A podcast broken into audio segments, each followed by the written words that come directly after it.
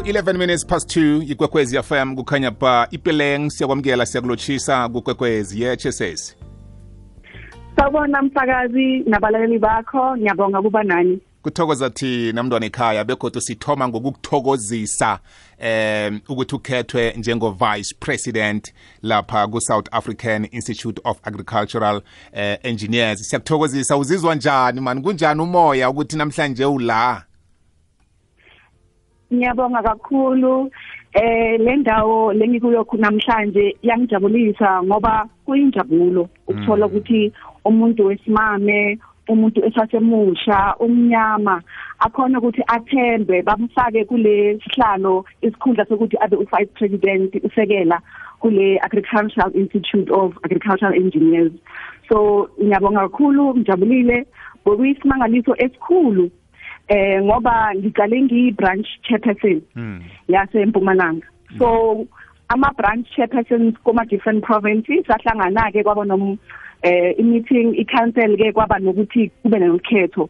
Kulolu khetho ke babona ukuthi kufanelekile ukuthi bafake mina kulesi sihlalo. Eh ngiyathola kakhulu ngoba ngiyakhona ukuthi ngirepresent nabo bantu besimame Mm. ukuthi siyakhona kungena kuma male dominated industry. Eh ngijabule kakhulu. eh angazi nokuthi ngingasho kanjani kwamambala kuthabe thina siyakuthokozisa siyakholwa ukuthi uzoyibamba eh begodwa kuhle nokuningi osazokwenza asikhulume nomlaleli-ke usitshele ukuthi i-south african institute of agricultural engineers yenzani umsebenzi eniqalana nawo ilanga nelanga ngonjani Okay, thina sifola ngaphansi ngaphansi kwe Engineering Council of South Africa. Sibukene kakhulu nama agricultural engineers.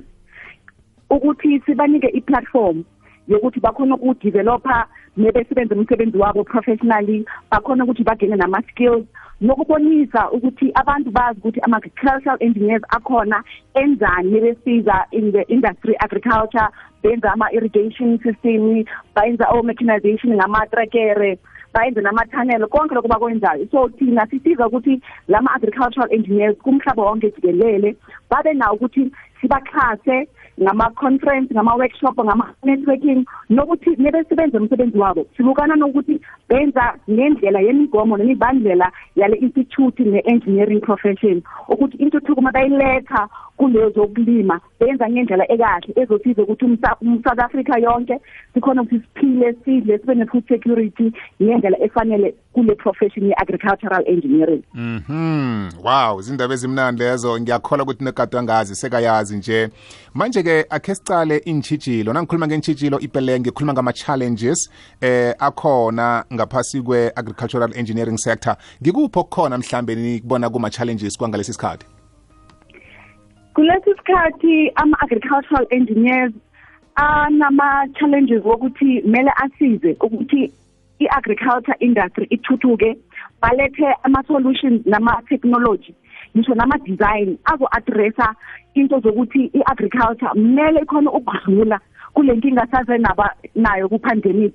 Kumele futhi sidile nama-climate change la affecta ukuthi masitshalile or makhulisa izilwane kuhamba kanjani. Futhi siyazi ukuthi i-load shedding nayo seyifikile ngalana. Iyaphazamisa kakhulu indaba zegesi kule demand ekusukuyona so ama-agricultural engineers baqondene kakhulu ukuthi lama solutions asiwalethayo akhona ukuthi abe sustainable nokuthi agriculture isiphilise thina sonke jikelele la eSouth Africa. Mhm. Manje njengosekela mengameli ipeleng ngikuphi ozabe ufuna ukuthi ukwenze eminyakeni emithathu ezako le unikelwe lumsebenzi nalesi sikhundla eh sokusebenza ngaphasi kwe South African eh, Agricultural Engineers.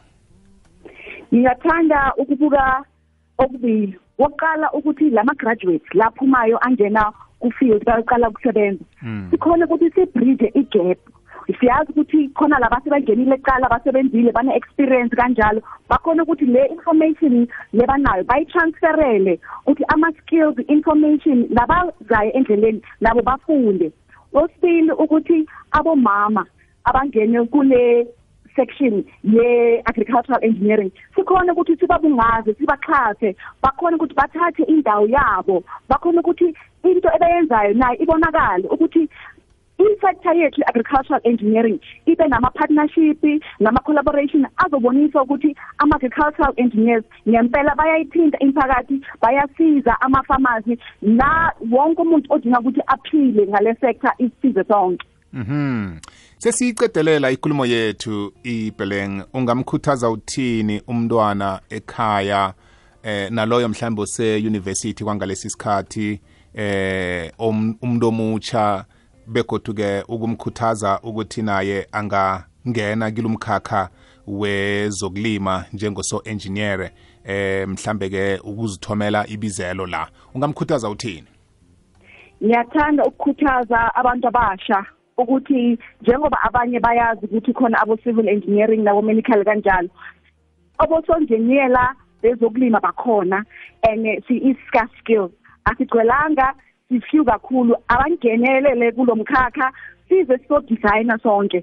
Size sizokwakha izinto ezosiza ukuthi umphakathi wethu nesekulima sibe vibrant. Kukhona ukuthi kube nokuphila la eSouth Africa. Siyabadinga kakhulu abantu abasha ngoba banama ideas bayakhona ukuthi benze into ezobonakalayo ezithinta umphakathi.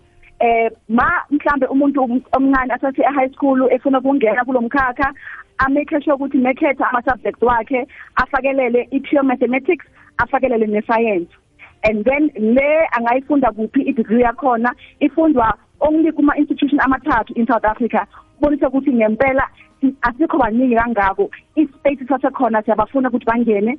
Bangafunda ko University of Venda bangafunda University of Free State na ku University of KwaZulu Natal ukuthi agricultural engineering iyenze i-difference umehluko omkhulu kithi sonke sazijikelele nokuthi sekulima kukhona ukuthi kusiphilise kahle.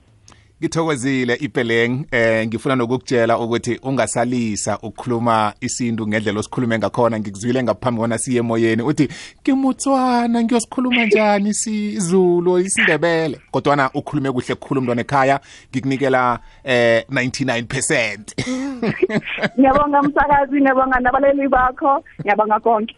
Kuthokoza mina uragele phambili nomsebenzi omuhle wenzako ebesikhuluma naye ngu-ipeleng maru maseko oyi agricultural engineer ku-department of agriculture rural development and land affairs esifundeni sange mpumalanga. Kanti-ke siyamthokozisa njengokukhethwa abe ngusekela mengameli lapha ku-south african institute of agricultural engineers. Eh sithemba ukuthi-ke kukhuthaza nomunye ekhaya ngalesi sikhathi ukuthi ifundo yakho iphetheko ungayidondeli ungathomi udosa inyawo uqinise khulu kwamambala usebenze ngamandla kuningi okukulindileko. Imikhakha ivulekile ngabe ngakhumbula amanye amagama akhulunywa ngenye ikosi ethi isivuno sinengi kodwana izandla zincane isivuno sinengi kodwana izandla zincane yeke isivuno nasisinengi kuhlogeka ini?